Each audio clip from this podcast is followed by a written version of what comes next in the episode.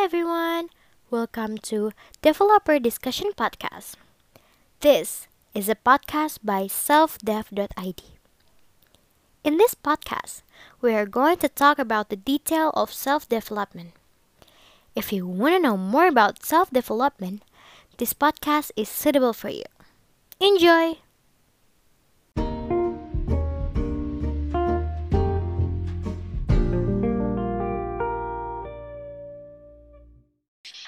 Developers, welcome back to Developer Discussion slash Self Dev ID Podcast. Wah, gak kerasa ya. Kita sudah move on atau lanjut ke episode kedua. But before we start, let me introduce myself first. Uh, nama aku Ana. I'm one of the podcaster from Self Dev ID team. Nah, kali ini aku mau ngebahas atau ngobrol-ngobrol asik nih seputar topik yang menurut aku tuh kayak interesting banget, yaitu growth mindset versus fixed mindset. Tapi aku nggak sendirian. Aku ditemenin sama guest speaker yang gak kalah catching developers. So, she's the God Sample winner and also the founder of Paradigma Remaja. Paradigma Remaja is a non-profit organization for teenagers to voice their opinions regarding current issues and also focuses on teenagers' growth. Wah, keren banget ya developers. Oke, daripada kelamaan, langsung aja kita sambut guest speaker kita. Please welcome Sharon Sitania. Hai Sharon, gimana kabarnya? Hi, hi, doing well. How's you? Well, also. Oke, Really great. uh, mungkin kamu boleh introduce yourself again, Sharon, supaya lebih afdol gitu. Okay. Hey everyone, hey listeners. I'm Sharon. You guys can call me Sharon and I'm the winner of Gadis Sampul yang tadi udah dijelasin ya sama Ana. Kemudian aku juga sekarang sedang berkarya bersama Paradigma Remaja dan salah satu uh, NGO terbesar di Indonesia namanya adalah selflovewarrior.id gitu. Wah, I think you're the definition of multi-talent girl. Waduh, Serious. Kamu juga dong pastinya. Kayaknya kita semua sebenarnya kalau cari tahu pasti kita sebenarnya multi talent gitu ya. Mm. Akhir-akhir ini kamu ada kesibukan apa sih, Share? Selain mungkin dari NGO gitu. Oke, mungkin kalau akhir-akhir ini kesibukan aku itu karena dari gadis ya, dari gadis sampul ada Mm. beberapa shoot, photoshoot, video shoot gitu-gitu kayak casting dan mostly itu untuk kayak brand sih, bukan kayak untuk film atau Hmm, scripting oke. gitu. Jadi ya, ya nambah-nambah pengalaman juga sekalian nambah-nambah uang jajan sendiri gitu. Iya, benar-benar. so we can make money from our talent, right? Betul betul betul. Oke, kalau nggak salah kamu tuh juga sekarang kelas 12 ya? Senior Iya. year in high school? Iya, betul. Aku kayak curious banget nih, kamu what are you taking for college gitu? Oke. Like, what's your plan gitu? Oke, Eh, puji Tuhannya aku udah diterima di salah satu perguruan tinggi negeri di Universitas Indonesia di jurusan hukum. Wow! Oh my God. Law? Ya, law. It's actually my dream major sih law gitu. Emang aku dari awal udah pengen ngambilnya hukum, hukum UI gitu. Sebenarnya kan jadi aku nih IPA, tapi aku ngambilnya hukum. Nah, em, jadi dari awal sebenarnya aku emang pengen ngambil jurusan IPS. I I've always wanted to go to like international relations or communication study Mm, mm. or law uh, between those three lah ya. Terus kayak Mm. I go to science major it's because like my parents want me to do jadi kayak aku nurut aja lah gitu kayak I just obey what they want me to do but then untuk pemilihan jurusan kuliah eh, puji Tuhannya mereka boleh izinin aku untuk ngambil sesuai apa yang aku mau dan karena aku setelah beberapa pertimbangan akhirnya aku memilih untuk ngambil law dan ya sekarang ini eh, ya gitu paling nanti mungkin baru mulai kuliahnya sih di bulan Agustusan kayaknya deh gitu Okay, I think your linjur thing is kinda similar to me. Karena Oh, aku iya? juga linjur. Aku Oh, tuh iya? IPA. Yes, aku taking econ field. Aku ngambil bisnis. hmm, Jadi kayak bener-bener, ya, menyimpang banget ya. I see berarti kamu sekarang kelas 12 juga nih Yes, aku IPA juga. and like uh, you're going to apa uh, PTN atau luar negeri? Aku PTN, aku milih UI sama Unbrau. Tapi aku udah kayak sedikit backup di PTS gitu loh. I see. Tapi sebenarnya nggak Mm-mm. masalah sih mau di PTN PTS. I think Yes. it's just the name and it. I don't know, like it, it's not it's not a big thing actually kayak aku pun kalau misalkan karena kebetulan aku cuman bolehnya di kalau PTN tuh di UI karena aku nggak boleh jauh-jauh gitu nggak boleh ngerantau jadi kayak kalau aku nggak dapet UI ya aku nggak aku ke PTS dan kayak my parents gladly they don't really force me to get PTM gitu Yeah. Jadi kayak for me it's just the same gitu karena opportunity yang kamu bakal dapat mau kamu di PTN atau PTS uh, it's equal gitu nggak nggak beda gitu Iya, soalnya kan sekarang apa namanya? Gak apa namanya? Gak apa namanya? Kayak banyak banget juga PTS yang lebih grow ya dan betul. gak kalah dari PTN kan. Yes, I agree. Ya, ini cuma nama lah gitu. Jadi Iya, jangan terlalu gitu. stress out if you don't make it to PTN. It's totally Yes. fine gitu kayak Yang karena penting ya kayak, sesuai dengan passion ya prodinya Yes, gitu. betul. betul, I agree. It's better Oke. to work with passion rather than getting forced to do something that Yes, girl. Say it louder, sis. Oke, continue nih.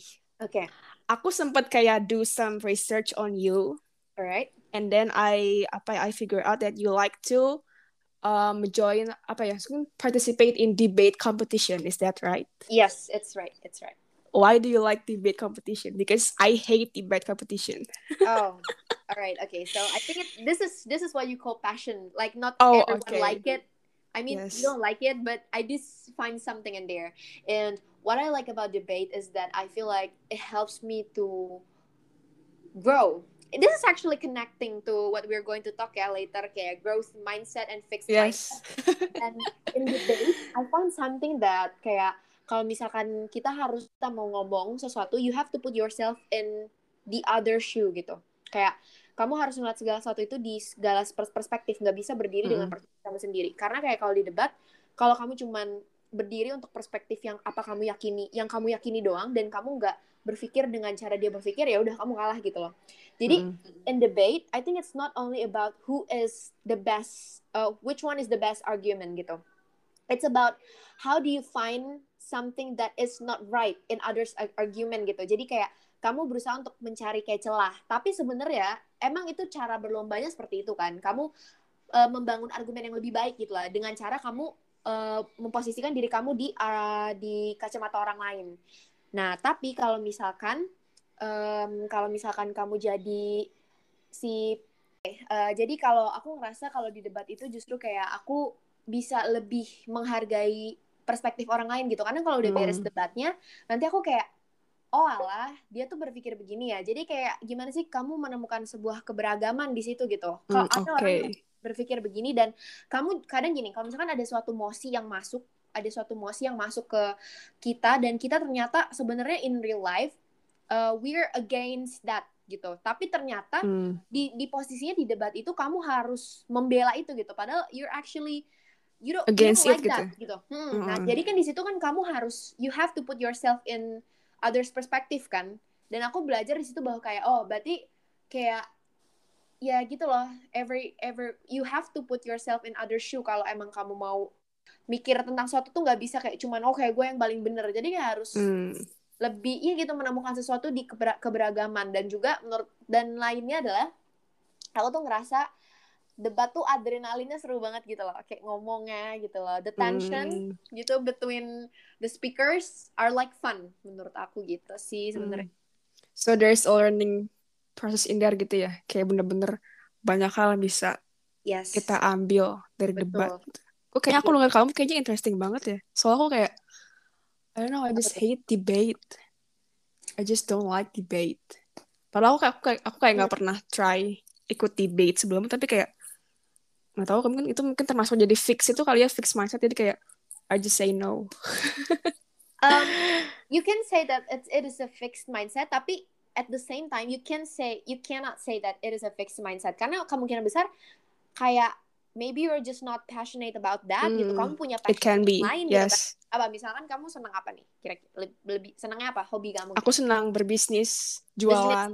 ya right? Jadi kayak menurut aku itu itu itu salah satu passion gitu. Mungkin bisa jadi orang yang orang yang suka ngelukis orang yang suka mendebat gitu nggak suka jualan gitu kan. Jadi nggak bisa betul betul betul betul. mindset sih gitu. Cuman Yes, I Well, agree. kalau kamu suka speaking kamu seneng em, menambah wawasan kamu kamu seneng public speaking gitu ya terus kamu dicobain debat yuk terus kamu nggak mau nah itu kemungkinan besar baru kamu you have that fixed mindset banget ya sama kita. Alright, alright.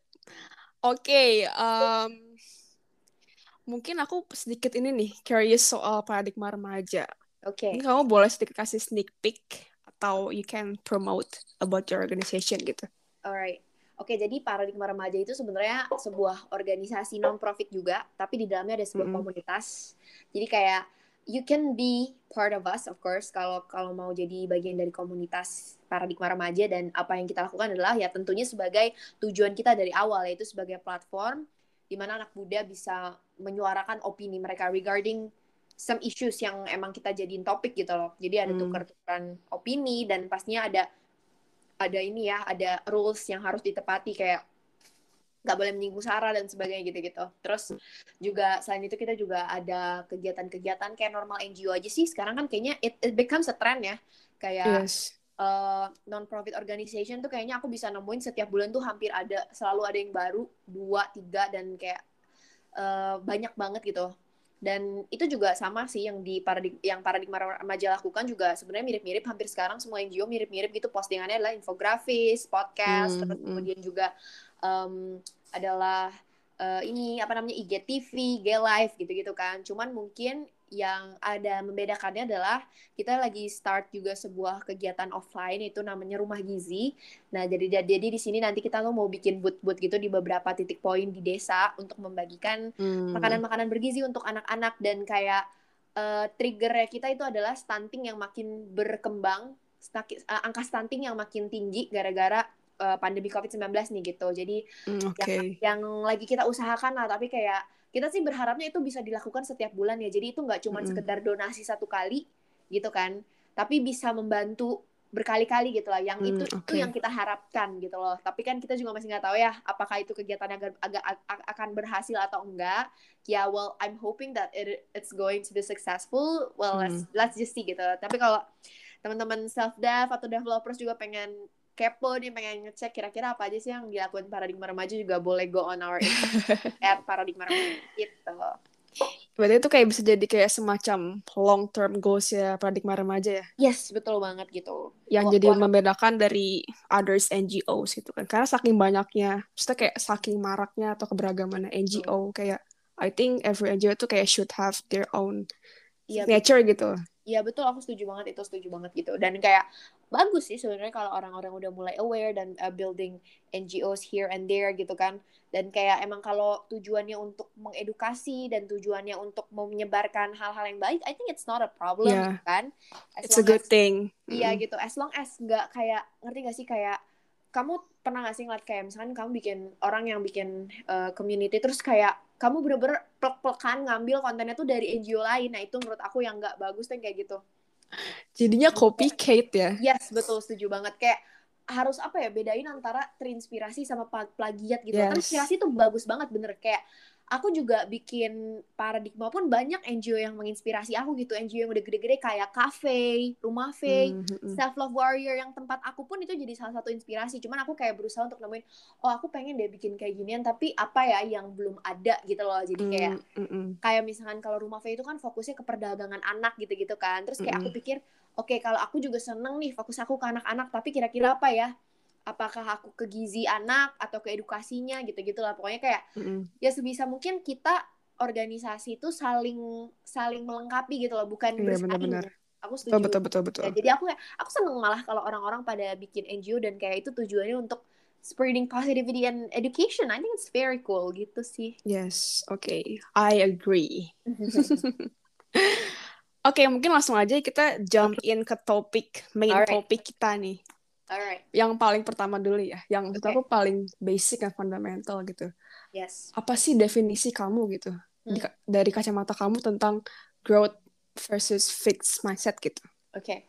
I think I'm I'm going to answer this question in a very easy way gitu karena menurut aku kalau kita cari kamu cari tahu gitu tentang growth mindset and fixed mindset it's a lot of definition gitu kan. Yes. mm-mm. For me fixed mindset itu sesimpel lo nggak berani keluar dari zona nyaman dan growth mindset adalah you're not afraid of failing. Itu menurut Mm. aku yang kayak sesimpel itu gitu kalau kita mau ngomongin fixed mindset dan growth mindset gitu. Jadi kayak about just not try to limiting yourself gak sih? Ya, setuju banget itu. Growth ya. Oke. Okay. So menurut kamu mana sih yang menurut uh, lebih beneficial gitu menurut kamu?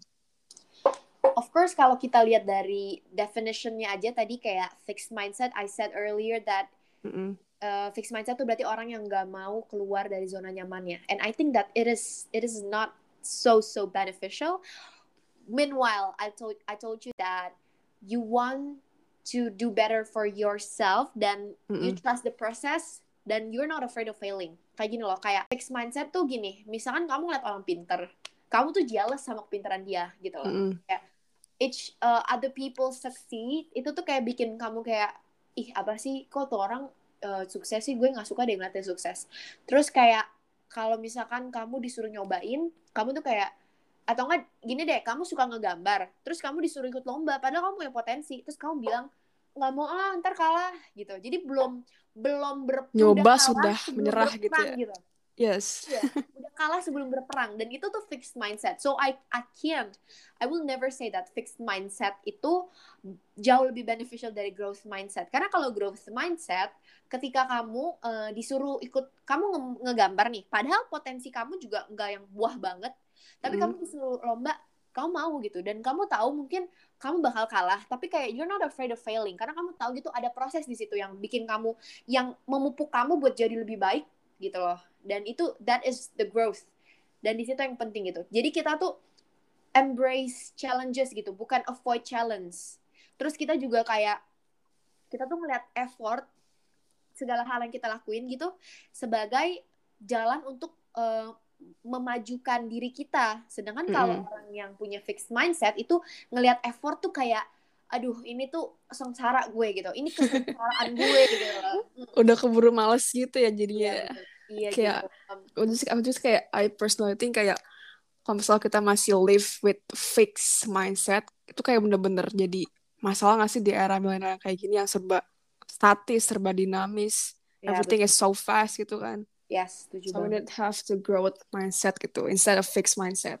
Heeh, betul banget setuju gitu I think your answers kind of sum up the third question, right?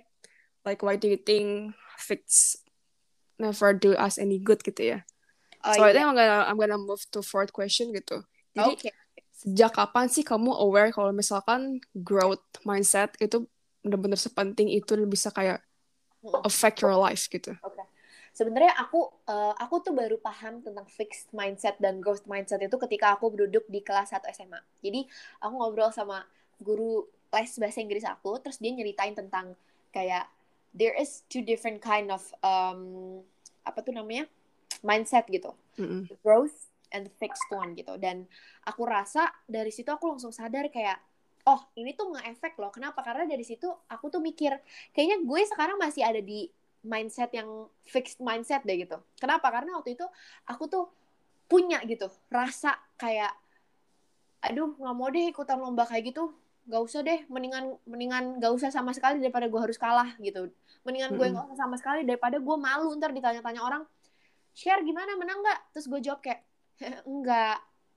Gue gue masih ada pikiran kayak gitu loh kayak aduh malu gitu. Malu Mm-mm. kalau kalah. Padahal kayak when my teacher told me that mistake and failing is it does that it doesn't mean that you were a failure gitu. Failing does not equal to failure.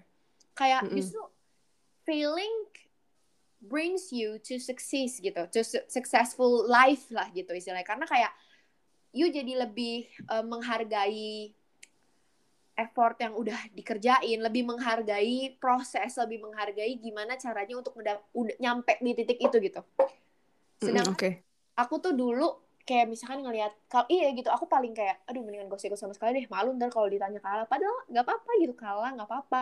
Dan aku juga dengar dari guru aku waktu itu dia bilang kayak gini em, kalau orang yang punya fixed mindset itu tuh bener-bener hidupnya itu cuman untuk validasi kayak dia tuh mau Mm-mm. dilihat seberapa pinter dia Mm-mm. jadi gini, dia punya goals. Oke, orang orang fixed mind, orang yang punya fixed mindset sama orang yang punya growth mindset, dua-duanya itu sama-sama punya goals. Tapi orang yang punya fixed mindset, ketika dia nyampe ke goals dia itu tuh cuman buat dapetin validasi dari orang lain kayak dilihat kayak oh dia pinter atau enggak oh udah tuh dia dia di, uh, dia cantik gitu. Atau enggak dia kayak apalah pokoknya terserah apa pun yang dia jadi goals dia. Tapi terus setelah dia dapetin vali, dapetin validasi itu apa gitu yang dia rasain? Pasti dia nggak nggak akan ngerasa puas. Karena dia cuma yeah. untuk untuk dapetin validasi itu dan ketika dapet apa yang terjadi? Gitu. Nggak ada karena dia tidak menghargai value si prosesnya dia mm -hmm. tidak menghargai um, challenge-nya gitu effortnya nggak ada gitu. Sedangkan orang yang punya growth mindset dia punya goals di sini mungkin dia ada fail di tengah terus tiba-tiba ketika dia menja- mencapai goals itu dia akan jauh lebih bersyukur daripada orang yang punya fixed mindset gitu. Karena hmm. dia nggak butuh validasi. Kayak kalau dia gagal ya udah biarin orang mau bilang ih, ih masa lomba gampang gitu aja dia nggak menang. Dia nggak peduli karena dia tahu itu dia lagi ada di proses untuk mencapai hmm, goals dia. right. dan ketika dia udah sampai ke goals dia gitu dia akan berusaha untuk menemukan sesuatu yang lebih baik. Jadi kayak orang yang punya growth mindset itu berusaha untuk kayak getting better every day. Jadi bukan kayak I'm trying to be the best. Itu fixed hmm. mindset. I'm trying to be the best. Tapi kalau orang yang punya growth mindset itu adalah I want to be better every day gitu. Kayak mereka punya apa ya bilangnya? Kayak mereka lebih menurut aku lebih jauh akan jauh akan lebih jauh ber, lebih bersyukur dan juga lebih menghargai proses gitu. Hmm, jadi ya jadi failure itu kayak kayak semacam the beginning of new ini gak sih a new process and then yes. Journey gitu kan ya. Terus juga yep. menurut aku misalkan misalkan kan kamu you did mention kayak misalkan lomba gitu kan. Ada orang kayak cuman looking for validation and then kayak menang udah, ya udah terus gitu kan. kayak kayak nggak dapat kayak nggak dapat apa-apa gitu kan.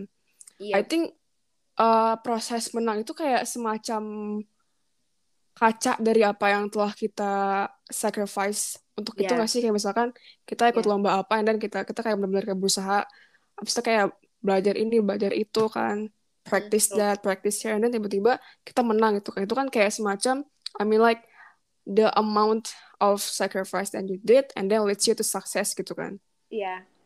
jadi kalau misalnya orang yang kayak cuman apa ya focuses on the winnernya doang tapi tidak enjoy the process kayak sama aja kosong gitu ya. Betul. ya Iya, jadi nanti malah kayak sengsara gitu loh. Pas ngerjain mm. itu kayak dan ketika gagal langsung kayak aduh gue malu banget. Gue udah berkorban segini. Kalau orang yang kalau orang yang punya growth mindset ketika dia gagal dia tetap kayak grat grateful gitu loh kayak oh okay so that means I have to work more for this kayak yes. maybe they trying they they're trying to find the mistake they did gitu atau enggak uh-huh. they wanted to improve what they have done gitu loh gak cepet puas lah istilahnya kalau orang punya growth mindset tuh yes I agree. Okay. Um, the last one but not least. Alright. Kamu punya nggak mungkin teman atau keluarga yang you think stuck in fixed mindset? Oke. Okay. Um, to be honest, kalau ditanya ada nggak orang di sekitar aku yang punya fixed mindset, aku ngerasanya kayaknya ada gitu. Aku ngerasa ada sih sebenarnya. Tapi aku rasa orang-orang harusnya kalau punya fixed mindset mungkin mereka harus ketemu sama orang yang paham what is the fixed mindset and what is the growth mindset. Atau mungkin mereka harus cari tahu gitu kalau mereka itu sebenarnya ada di posisi yang nggak begitu safe kalau mereka terus-terusan ada di fixed mindset. Kayak istilahnya gini loh kayak aku dulu aku tuh punya fixed mindset dan aku ketemu guru aku yang ngejelasin bahwa fixed mindset tuh nggak bagus loh Sharon gitu. Jadi aku di situ kayak oh berarti aku harusnya begini ya. Dan untuk sampai saat ini aku belum pernah sih uh, kayak secara langsung directly telling them that uh, what you're doing right now is so wrong. I never do that hmm. actually. Tapi aku rasa memang orang-orang itu sebenarnya akan ada di proses akan ada di uh, posisi di mana mereka akan pertama-tamanya punya fixed mindset. Sampai satu saat pasti ada satu hal yang bikin mereka menghargai proses dan sadar kalau kayak oh hidup tuh harus punya tujuan dan tujuannya itu gak cuman sekedar menggapai satu hal dan puas gitu. No, it's about learning and getting better. It's about you are appreciating what you're doing, the whole process gitu kan. Jadi kayak mm -hmm. aku sampai saat ini nggak pernah secara langsung directly ngomong gitu, tapi yang justru aku melihat perubahan-perubahan orang gitu dari awal mereka punya fixed mindset, bahkan aku sendiri, terus kemudian mereka mulai menghargai prosesnya, mereka mereka mulai melupakan validasi-validasi dari lingkungan sekitar gitu loh jadi okay, kayak okay. aku rasa to edu to educate, I don't feel like I should educate them. Kayak ngajarin kayak eh lo lo lo punya fixed mindset nih lo ganti gitu kan instead of educating I I I would I would be honored kalau aku bisa change their mindset gitu loh karena kayak satu-satunya orang yang bisa ngeganti mindset mereka itu diri mereka sendiri so I'd rather sharing my experience how I was a person with fixed mindset and I change my mindset to the growth mindset gitu aku lebih prefer untuk sharing itu sih ke mereka Hmm. gitu Dan Jadi kayak try to Yeah. settle for example gitu ya. yes betul dan kayak Dibanding ngajarin gitu kan. Kayaknya Yes. kayak terlalu menggurui banget gak sih gitu kan. Iya betul. Sebenarnya nggak ada yang salah sih kalau kita punya pemilihan kata yang tepat gitu kan. I think it's preference sih. Mungkin ada orang yang Mm-mm. senang buat educating untuk ngajarin. Pasti aku yakin ada orang yang kayak gitu juga dan I think it's not a problem. Tapi kalau untuk personally for me, I'd rather share my experience gitu supaya Hmm, orang Oke. siapa tahu itu jadi nyentil mereka dan kayak ngelihat oh eh, kayaknya gue juga harus ganti exp- eh, mindset gue deh gini dan salah satunya kayak di, di podcast ini nih gini kayak aku sharing eh, tentang eh, pandangan aku terhadap growth and fixed mindset terus kemudian aku juga cerita kalau aku tuh pernah ada di posisi fixed mindset gitu lah istilahnya Oke. Karena sebenarnya oh sebenarnya topik ini tuh kayak aku kayak jarang banget diomongin. Mm-mm. I don't know why kayak tapi kalau misalnya kita lihat di podcast-podcast luar tuh mungkin udah banyak. Tapi misalnya kayak podcast yang di Indo, Indonesia ya Mm-mm. especially teenagers yang ngomongin tuh kayak jarang banget. yes Jadi I think this is kayak the the perfect topic to talk for. And then Yeah. you as the guest speaker, kayaknya kamu kayak bisa ngasih insight gitu tentang growth versus fixed mindset. Tapi in a nutshell gitu.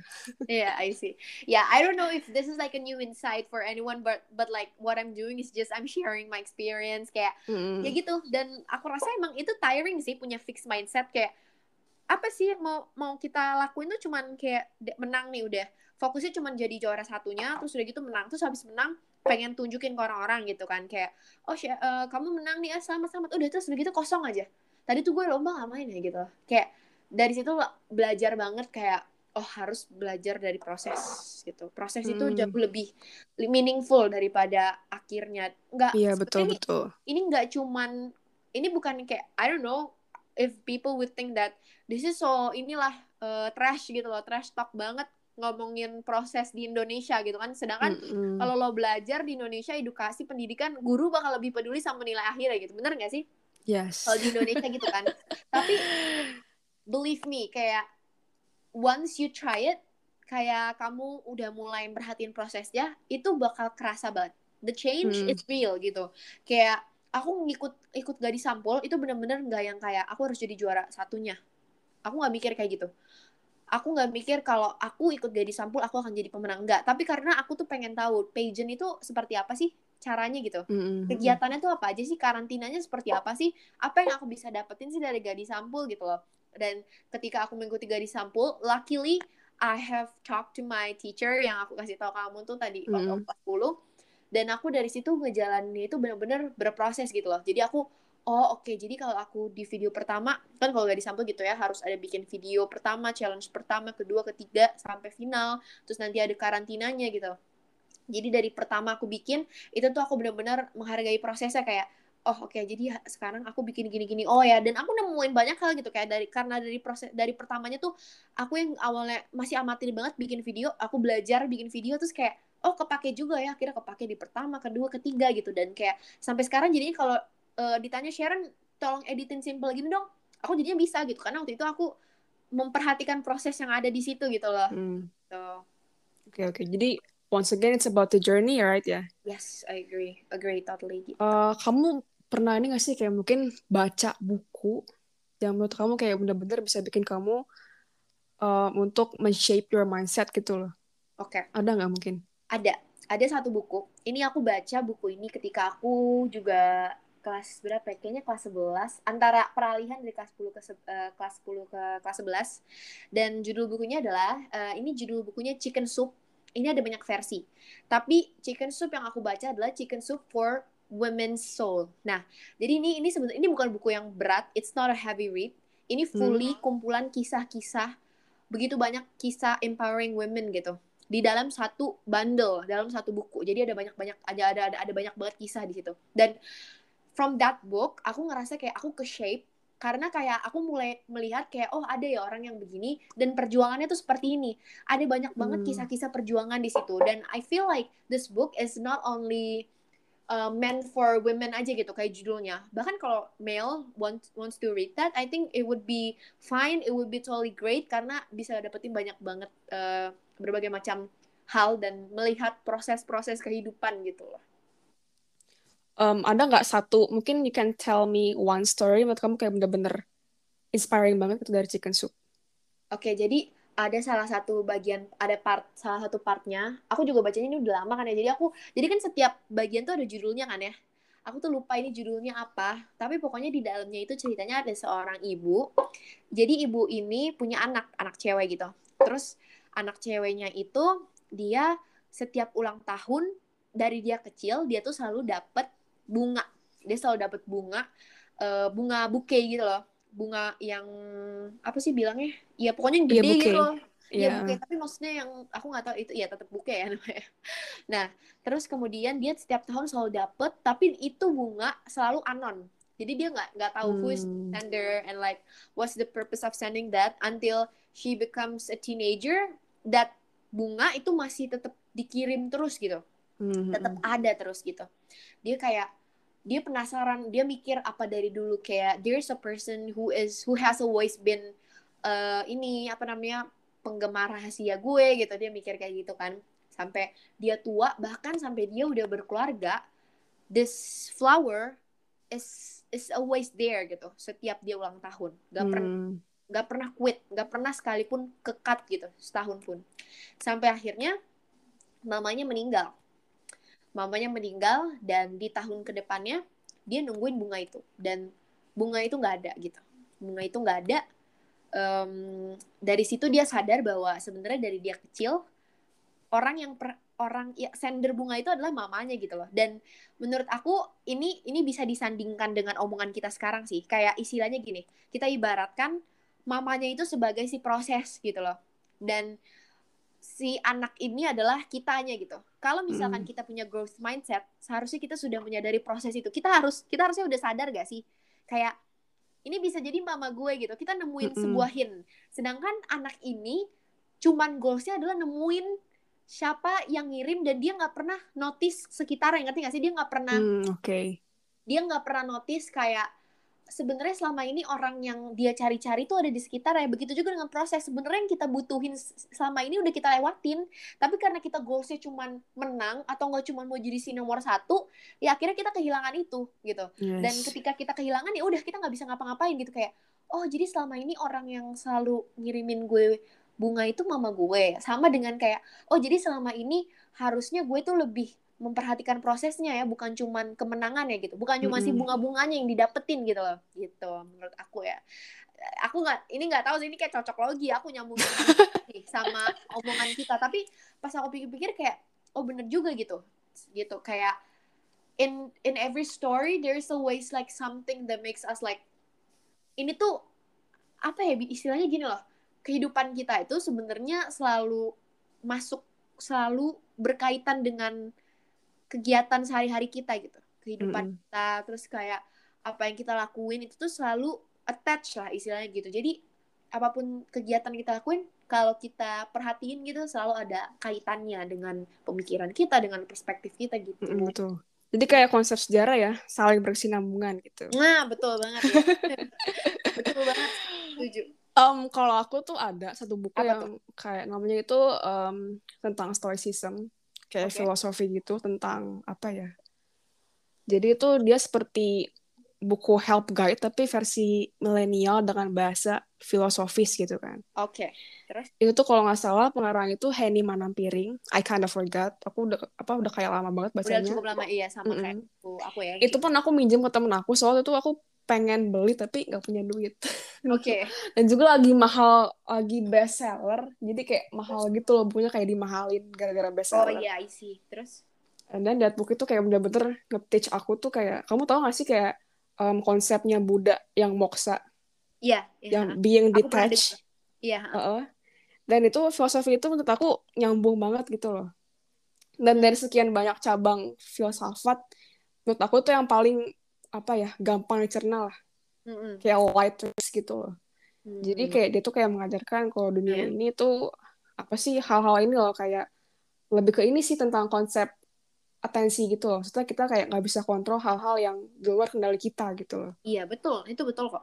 ya situ kayak bener-bener apa namanya nge-shape pikiran aku yang kayak dulu kayak sering overthinking kayak kalau misalnya gini gimana ya kalau misalkan itu gimana jadi kayak Ya, bener-bener bisa mengeliminate all that unnecessary feelings lah gitu Iya betul banget. paling gitu sih itu kayak Hmm. bener-bener apa ya semacam lebaynya kayak life changing tapi tapi beneran life changing sih tapi Iya kayak ya, ya menyetil lah ya gitu. iya bener-bener bener apalagi sekarang ya aku kan aku kayak sempet ketolak SNMPTN kayak Hmm, bener-bener agak terpukul tapi that book kinda help me sih Iya to stay stay in lane stay to Ya, be sane. karena ya gitu justru kayak menurut aku itu itu the process gitu loh. Kayak kamu dapetin sesuatu yang gak semua orang dapetin gitu. Nggak- Mm-mm. dan dan gak semua orang juga kuat untuk ngejalanin itu. Karena ada ada aja yang di tengah jalan tuh quit gitu loh. Udahlah gue Yes. cobain lah. Udah gue langsung PTS aja gitu. Atau enggak udahlah gue gak usah cobain lah. Gue eh, ini aja deh. Gue apalah nggak usah kuliah gitu istilahnya. Ya ada aja gitu loh yang kayak gitu iya iya bener-bener bener-bener dan it's it's something that you should be grateful about yourself that you're a warrior I can say that gitu Iya, iya. Aku paling bener-bener admire sama orang yang kayak ambil gap year gitu loh buat Oh, yes. college. I agree Dengan They- segala macam stigma negatif kan dari masyarakat kayak oh gap year begini begitu. Apalagi Iya, kan betul. mungkin menurut aku eh, negara kita saya kayak negara kita tuh kayak termasuk negara yang kurang apa ya? Kurang open minded lah soal gap year gitu loh. ya Dan banyak banget orang tua yang masih kayak you know lah kayak stigma kuno kayak kamu ngapain gap year? Buang-buang waktu gitu. Kamu nih kamu ngapain kayak langsung swasta. Gitu kan. Mungkin ada beberapa orang yang mungkin gap year karena masalah ekonomi iya jadi betul pukul rata gara-gara masalah mungkin dia. Pengen Wah. PTN itu oh, oh, gitu. betul. Oh, jadi itu sih aku kayak bener-bener wah gila nih orang-orang gap year kayak bener-bener hebat luar banget biasa gitu. iya betul. Tengah melawan semua stigma tapi dia kayak tetap stay in the lane Iya, kayak gue mau gap year gitu gue pasti bisa gitu kayak udah bener keren banget sih. Iya dan teman-teman semua ini bisa banget loh kayak ngelihat the growth mindset in Yes. everyone who is doing gap year dan the growth mindset in everyone who is doing UTBK mandiri itu karena kayak prosesnya itu I really see my best friend doing it. Itu kayak bener-bener itu penuh dengan penuh dengan air mata gitu istilahnya dan dan aku percaya banget itu akan nge-shape dia bahkan bahkan bisa menjadi orang yang lebih luar biasa gitu loh Iya betul jadi aku betul kayak ya aku belum iya sama aku juga sama kayak kamu gitu aku sangat sangat amazed sama orang-orang yang kayak gitu sih gitu Iya karena apa ya? Karena nggak semua orang kan mentalnya kuat mungkin ya. ya betul Diterpa segala macam kritikan ataupun kata-kata yang mungkin kurang apa ya? Yang tenang kan ya. kayak suka banyak kayak orang-orang kayak judgment kayak terlalu judgmental kan kayak apa sampai bisa kayak menjatuhkan mental si orang itu gitu kan. iya karena apalagi yang kayak terbiasa selalu peringkat di sekolah Yes, iya itu pasti lebih selalu- banyak lagi sih exposure Betul. ininya. dan dia selalu orang tuanya selalu berpikir kalau kayak she, she or he will make it gitu Mm, mm, mm. tapi tiba-tiba dari di awal di, di entah di SNM atau di UTBK-nya tiba-tiba nggak dapet pasti kan itu pressure lebih gede lagi tapi karena dia lebih mikirin kayak gue harus berproses gue nggak mau give up di tengah jalan ya udah gitu. Biasanya selalu dapet sih orang yang kayak gitu. At the end of the day entah yang mana jalannya tapi dapet gitu. Mm, jadi bisa jadi apa namanya uh, growth ini kayak benar-benar bisa applicable banget ya dari Iya, segala aspek gitu. iya betul banget. Mau dari kehidupan kayak yang tadi Mm-mm. Contohnya gitu kan atau mau dari sisi segi edukasi dan pendidikan it is very very applic- applicable dan kayak ya worth to try lah gitu Kayaknya I think everyone should have growth mindset sih. ya betul setuju banget Kayak itu kayak mungkin kalau menurut aku itu kayak kickstart bagi setiap kehidupan gitu. Maksudnya if Iya. you have that, maksudnya pasti kamu bisa bisa apa kayak bisa survive gitu loh iya in any kind circumstances gitu. Iya. I agree Oke, um, I wanna talk about something. Tapi aku pengen ini deh, aku pengen tahu gitu. Sebenarnya uh, ada nggak sih komen-komen negatif dari teman-teman kamu yang bilang, ah Sharon ikut garis sampul kayak cuma gaya-gayaan doang, apa kayak pengen cari gelar doang. Ada nggak sih yang kayak gitu? Kayak komen-komen yang kurang mengenakan gitu bagi kamu? Sebenarnya ada sih, ada yang nggak sebenarnya gini, kayak nggak directly ke aku gitu, tapi kan kayak gimana sih orang namanya percaya gini loh, kalau lo gibah biasanya tuh biasanya kayak gitu loh gitu loh. Kayak ada sebenarnya dan cuman yang lebih parahnya lagi adalah kayak gini biasanya adalah akun-akun beberapa akun-akun yang masuk ke DM aku dan kayak Hmm. I don't know who are they and they just like started to hate me because like um I joined Gadis Sampo and like what's funny is that aku menang gitu kan terus tiba-tiba ada beberapa komen yang masuk kayak kamu kurang cakep ih buat jadi juara satu ya Gadis Sampul gitu dan kayak yang di Tapi itu fake account. Iya, fake account. Ya betul, rata-rata orang yang mengejek itu nggak bakal berani pakai face first account, beb. Kayak mereka tuh karena ya gitu pengecut ya ampun. Karena mereka cuman bisanya nge-hate gitu. Jadi kayak pakai fake account. Dan dari situ aku ngerasa kayak oh, eh, ada orang yang ya udah gitu karena aku di sini bukan untuk mencari validasi. Jadi udah kalau aku nggak karena aku kurang cakep gitu kan dia bilang. Terus aku harus apa gitu operasi plastik.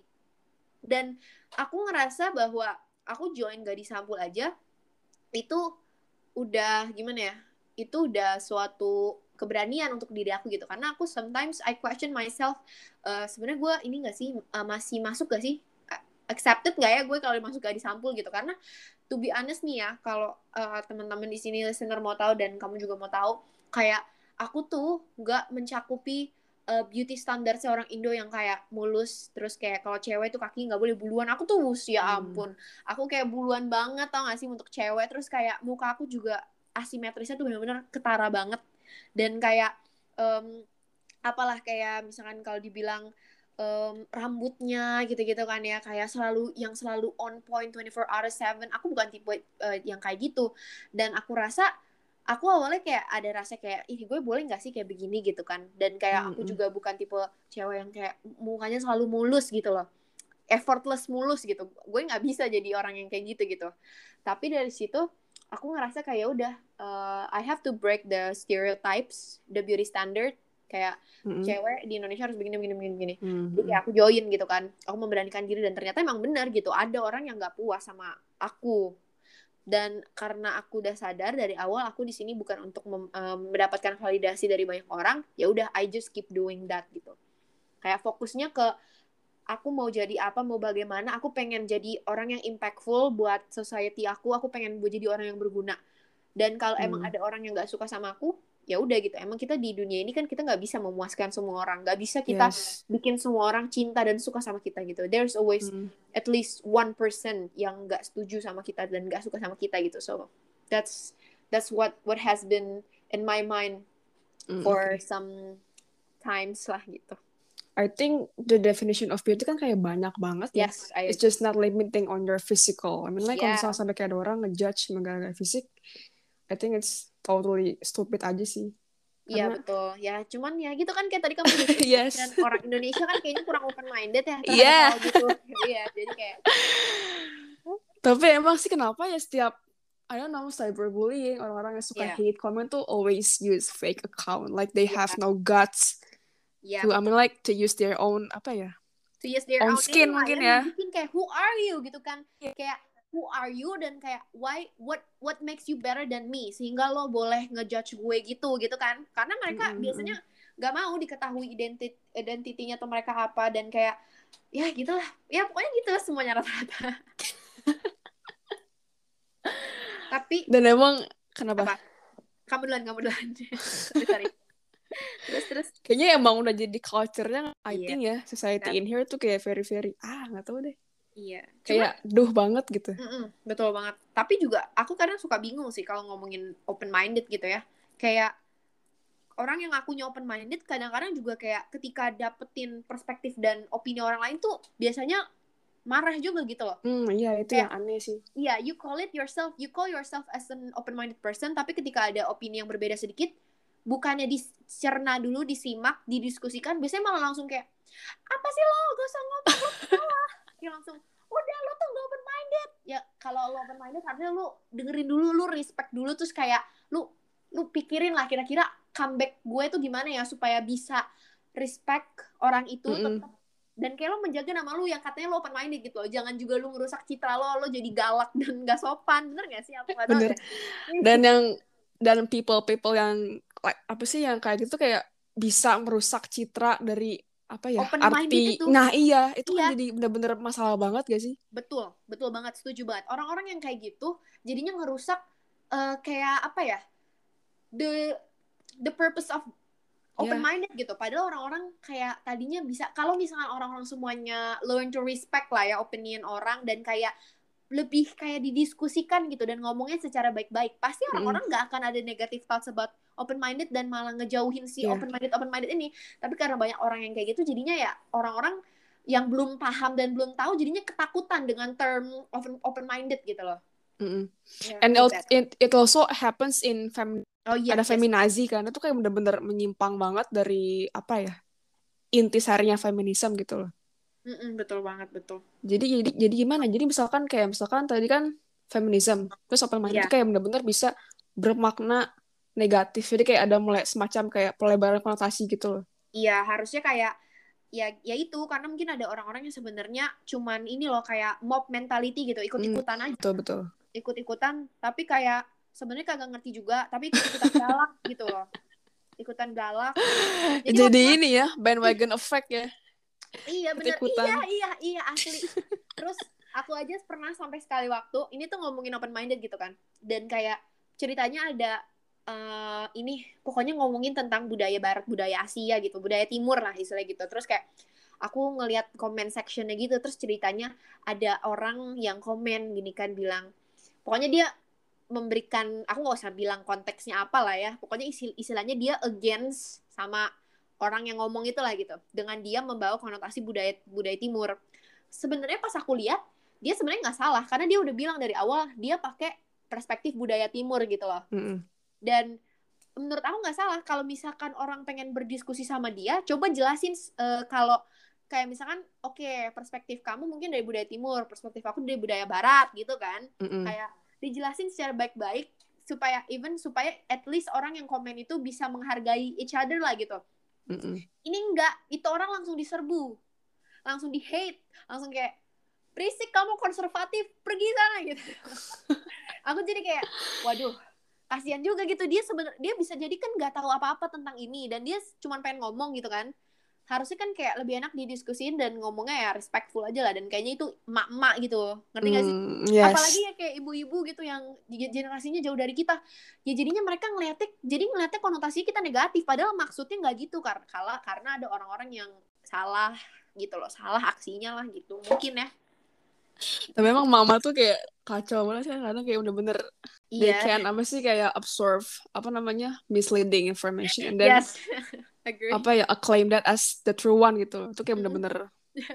Dan sometimes itu kayak jadi penyebab apa sih ketika aku bakal argue sama mama aku kayak gara-gara itu misleading information. And then they thought eh they thought karena she thought aku yang salah padahal sebenarnya she's the one who's wrong gitu. Iya. Ya and it ya happens all the time. Like oh my god I'm so tired of that gitu kan. Ya maybe it's it's what you call uh, generation gap. Jadi Yeah. kayak itu susah Bener, maksudnya kayak generasi baby boomer dengan kita kan jauh banget ya. Mm, betul. Jadi banyak banget mungkin semacam dari mungkin culture and then information kayak bener-bener totally different gitu kan. Mm, betul banget. Setuju. Jadi setiap kita mungkin argue harus ada semacam apa ya pelurusan iya. definisi kali ya supaya lebih kalibrasi gitu obrolannya. iya benar banget. Setuju Um, okay, I think that's a wrap, Sharon. Oke, nggak Thank you for making ngobrol. time. Alright, alright. Okay, um, once again, thank you so much for making up your time to Alright, attend alright. this podcast with me. Okay, goodbye, Sharon. Alright, bye too. Thank you. Have a great night. Yo.